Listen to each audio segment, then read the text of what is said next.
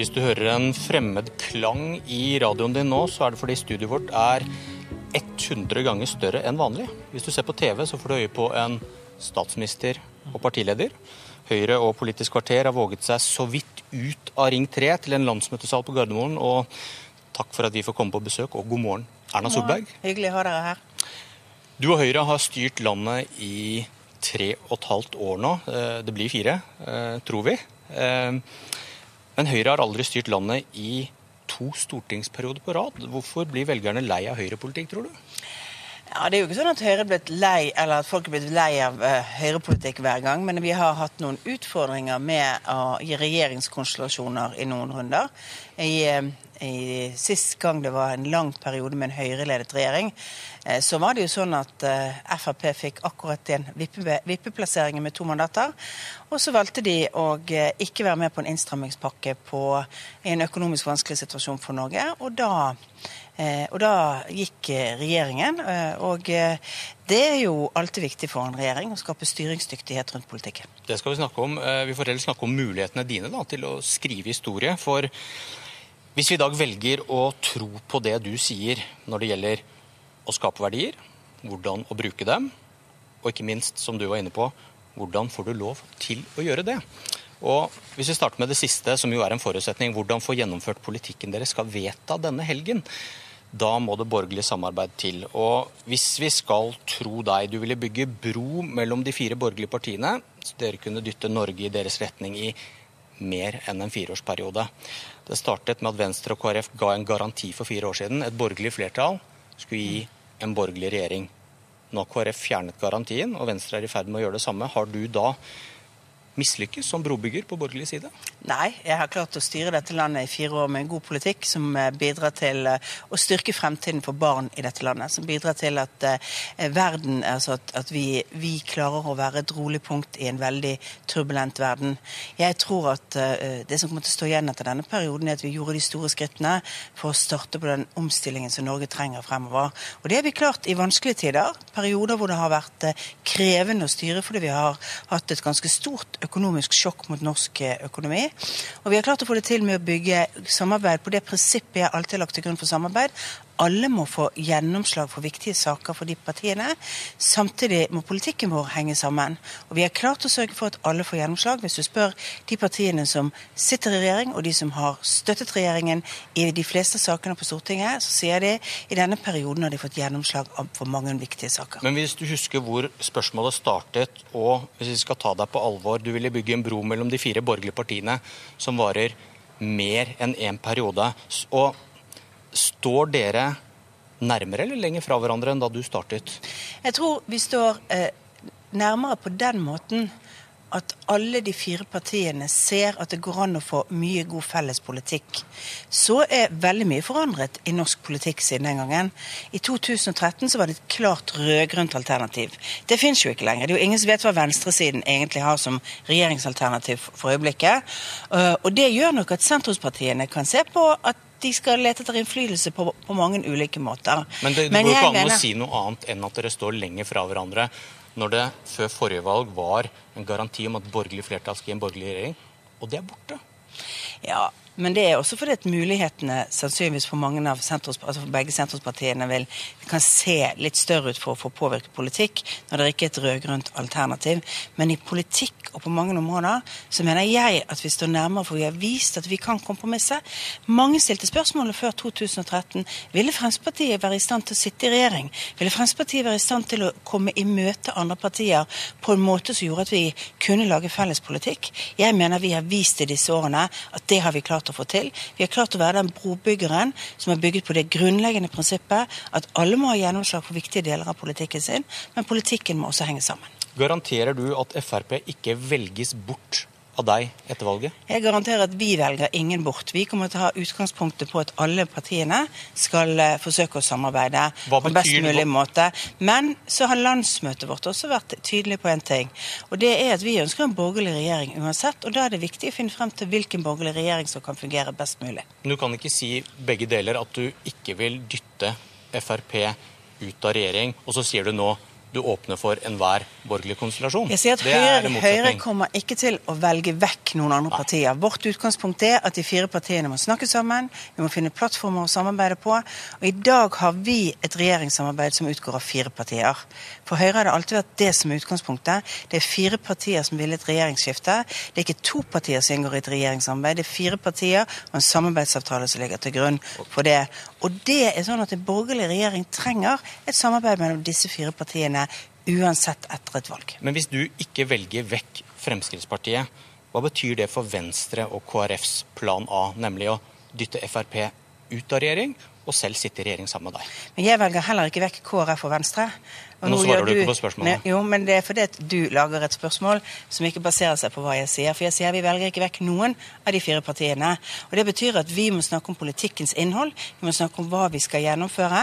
Og da må man, eh, må man eh, vurdere ut ifra det hvem kan sitte i regjering basert på det, hvis ikke vi får til et partisamarbeid som er helt tydelig på alle fire. Jeg prøver å høre etter nyansene her, og det du sier betyr vel da at du er åpen for en Høyre-sentrum-regjering med Frp som støtteparti? For du utelukker ikke det? Jeg utelukker ingen modeller basert på at fire partier skal samarbeide. Dette er nye signaler, er det ikke Nei, det er det landsmøtet vårt sa i fjor. At vi skal ha eh, et samarbeid basert på fire partier. Vårt samarbeid har alltid utgått av fire partier. Og eh, det vi gikk til valg på forrige gang, var fire partier som skulle samarbeide. Det har vi fått til. Men alle satt ikke i regjering. Og det er fortsatt det som etter min mening er basisen for samarbeid. Jeg tror vi skal ringe Frp senere i dag og høre hva de sier til det. Vi går videre. Del to. Skape verdier. Eh, Og igjen, hvis vi skal tro deg, du skulle omstille norsk økonomi, gjøre oss mindre avhengig av olja. Og når du har fått kritikk for å ha økt oljepengebruken, du var inne på det i starten, så sier du at det var pga. det store oljeprisfallet. Eh, Forklar det. For det første så er Norge i dag mindre avhengig av oljen enn vi var i 2013 og 2014. Vi, må, vi, henter nå vekst, jo, vi henter nå vekst fra andre deler av norsk økonomi enn direkte fra olje. Det er veldig viktig å si at oljeavhengighet og oljepengebruk er to forskjellige ting. Det er en sånn Arbeiderpartidefinisjon av hva oljeavhengighet For oss er det betydningen og styrken inn i norsk økonomi av oljen, og den har falt naturlig pga. oljeprisfallet. Ok, Men, men, ta, ta, ta, ta, oljepengebruken, da, som beviselig binder opp utgifter for mange år. Eh, så du kan ikke snakke deg vekk fra det. Eh, forklar hvorfor det var nødvendig, som du sier, at vi bruker mer oljepenger fordi vi fikk et oljeprisfall. Hva er logikken? Fordi at det er en del av det handlingsreglene. Det er det en fornuftig økonomisk politikk er. Det er det som vi alltid har gjort i Norge. Får du sjokk i økonomien, får du økende ledighet, så bruker du mer penger. Før vi hadde oljepenger, og jeg sitter på Stortinget en tid vi ikke hadde oljepengene på den måten, ja, da lånte vi penger i utlandet for å klare oss gjennom vanskelige økonomiske tider. Da gikk vi i underskudd på budsjettene fordi vi var opptatt av at du skulle ikke sørge for at enda flere ble arbeidsledige ved å kutte i offentlige budsjetter, fordi det gikk vanskeligere i norsk økonomi. Der var svaret faktisk å, holde, å få verden til å komme over den knekken og sørge for at vi holdt aktivitet oppe. Og det er riktig at vi har holdt aktivitet oppe gjennom offensive offentlige budsjetter, men samtidig har vi lagt inn i de budsjettene de starten på den omstillingen som er nødvendig for at vi får et større næringsliv i årene fremover. Flere jobber som ungdom kan søke på. Flere jobber som eldre som ønsker å bli stående i arbeidslivet, kan gå inn i. Og Det skyldes jo det at vi gjorde det vi burde gjort også i forrige periode, nemlig satse på innovasjon, på, på tiltak innenfor forskning som er næringsrettede. Mens det sto stille i forrige periode, har vi økt med over 3 milliarder. Vi har fremmet eh, skattelettelser som er vekstfremmende. Både reduksjon av selskapsskatten og formuesskatten. Mindre byråkrati for bedriftene. Alt dette bidrar til å gjøre Norge mer robust og skape mer utvikling fremover. Men prisfallet kom våren 2014. Oljeprisfallet. Men dere økte oljepengebruken for 2013-budsjettet og med flere milliarder da dere ble enige om 2014-budsjettet. Hvordan forklarer du at dere økte oljepengebruken før oljeprisfallet, som har vært forklaringen din på hvorfor det var nødvendig å gasse på? Du satte rekord i oljepengebruk før prisfallet kom. Hvert eneste år har regjeringer i Norge satt rekord i oljepengebruk. De har brukt mer penger hvert eneste år, for det er jo en del av innføringen av handlingsregelen. Men vi brukte litt mer penger enn forrige regjeringen la opp til, fordi vi begynte å bruke penger til omstillingen. For vi visste at Norge måtte bli mer konkurransedyktig. Derfor begynte vi med å senke skattene i Norge.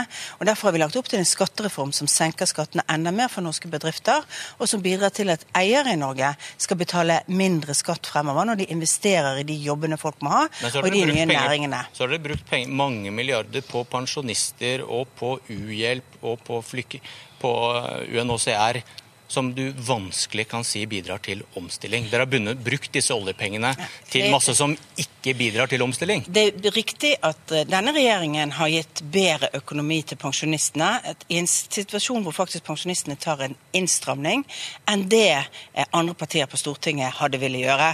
Vi har gjort det eh, både ved at vi har økt, altså minsket denne forskjellen mellom gifte og ugifte pensjonister, men vi har også hatt målrettede skattelettelser som har vært bedre på pensjonistene pensjonistene. Men pensjonistene som gruppe har jo opplevd denne perioden som en eh, periode hvor de har hatt reallønnsnedgang. Så det ville vært enda verre hvis ikke de hadde hatt en regjering som faktisk hadde bidratt til at pensjonistene eh, fikk litt bedre økonomi gjennom måten vi innrettet noen skattelettelser på, og hvordan vi har gjort endringene på, på forholdet mellom gifte og ugifte Men det høres du, det høres ut som du har et argument for økt oljepengebruk Uansett. Men Uansett oljeprisfall. Men det viktigste vi gjør, er at vi øker pengene på omstillingsområdet. Ikke bare? Nei, vi bruker ikke bare der, men vi bruker på omstilling, og det er viktig. For det kan være bruker... Forklaringen er like mye dette borgerlige samarbeidet, at du trenger disse oljepengene for å lime sammen det og bruke på hjertesaker. At det er det som gjør det dyrt. Ikke det at du bruker det på omstilling. Vi er jo enig at vi skal bruke mer penger på å løse de langsiktige utfordringene, skape jobbene fremover. Og jeg mener at når vi innførte handlingsregelen, så var det en stor debatt. Skal vi bruke oljepengene i norsk økonomi eller ikke? Da var de av oss som var for å ha en handlingsregel som gjorde at vi kunne bruke pengene, veldig tydelig på en ting. Disse skal vi bruke til å investere for fremtiden. Det har vi gjort mer av, men ikke fullt ut. Det er jeg enig i. Sånn er politikken. Vi klarer ikke alltid bare å bruke det til det. Vi har brukt mer av det enn det de tidligere regjeringene har gjort. Hvorfor gjør vi det? Jo, fordi at vi vet at innfasing av oljepenger uten å bruke det til å skape nytt næringsliv utenfor oljesektoren, andre typer bransjer, det er det mest skadelige vi gjør. For da gjør vi rammevilkårene for de bedriftene som vi skal leve av i fremtiden, dårligere istedenfor å gjøre de bedre. Det var meningen med hele handlingsregelen også, og det må vi huske. Eh, vi har brukt mer på de områdene, og så er ikke alt vi har gjort perfekt. Av og til gjør vi politiske kompromisser, og av og til gjør vi ting som Høyre kanskje ikke hadde gjort på egen hånd, men sånn er samarbeid. Del tre hvordan få mest igjen når det offentlige skal bruke noen av verdiene mm. som skapet, som du har snakket om nå. Og hvis vi skal tro deg, en av reformene dere mente er viktig, er kommunereformen. Få bedre tjenester ved å få større kommuner. Og Denne uka har vi hørt om barn som ikke får hjelp fordi barnevernet svikter. Mm. Og så har du vært opptatt av, av, av eh, barnevernet for å forklare hvorfor vi trenger færre kommuner. Barn i problemet trenger bedre barnevernstjeneste, sterkere ledelse og sterkere faglig miljø. Men mange av kommunene vil ikke slå seg sammen i denne runden. Og du sier at kommunene må få velge selv. Frivilligheten skal råde. Og haster det ikke for de barna som trenger hjelp i de kommunene som nå ikke slår seg sammen? Eh, jo, det, og det er synes jeg, en veldig god grunn til at vi burde hatt enda flere kommunesammenslåinger. Men, men, disse men, barna nå? Eh, men det betyr at vi er nødt til å se på hvordan vi, hvordan vi skal sørge for å stille så klare krav. Og vi kommer med en barnehagereform som stiller krav til hvordan man skal jobbe i kommunene, som skal stille krav til kompetanse og kunnskap. Men du, og som du, snakker, om, du snakker om kommunestruktur som forklaring på at man ikke får en god nok barnevernstjeneste. Nå snakker du om noe annet. Så hvorfor vil ikke du gjøre noe med kommunestrukturen for disse barna, da, som du selv sier ikke får hjelp? Hvis det Grunnen til at jeg mener kommunestrukturen er en utfordring for for barnevernet, det er at det er vanskelig å rekruttere fagpersonell som har god og bred nok kompetanse, som er god nok både i juss, i barnefaglige spørsmål. Er du en liten kommune, så kan du ikke ha en spesialist på hvert område for de svakeste gruppene. Nettopp, men da haster det ikke? Jo, jeg skulle ønsket å sett flere kommuner, men, men dette, du, du kan bestemme det? Nei, det jeg, jeg, jeg, kan ikke bestemme jo, hvis, at du skal hvis det, viktig, hvis det er viktig nok, så, så kan du tegne et kommunekart. Hvis eh, det er så viktig som du sier, for disse barnevernsplanene får en bedre tjeneste, så kunne du sagt at det, Eller- det trumfer faktisk Eller vi- frivilligheten. Eller vi kan lovfeste strengere krav. Vi kan gjøre det vi jobber med. Kompetanseheving i alle kommunene. Det stiller sterkere krav til kommunene, og det vil også være med på å se at de vil se at det er et behov for at de jobber tettere sammen. Og så er frivillighet et viktig prinsipp, for vi vet at vi får bedre kommunesammenslåinger gjennom frivillighet. Men det er et utgangspunktspørsmål hva bedre, bedre tjenester. Ja. Og det er kommunestrukturen viktig for. Vårens vakreste eventyr, landsmøtesesongen, er i gang. Eh, Lykke til, Erna Solberg. Takk skal du ha. Og Politisk kvarter i dag var ved Bjørn Myklebust.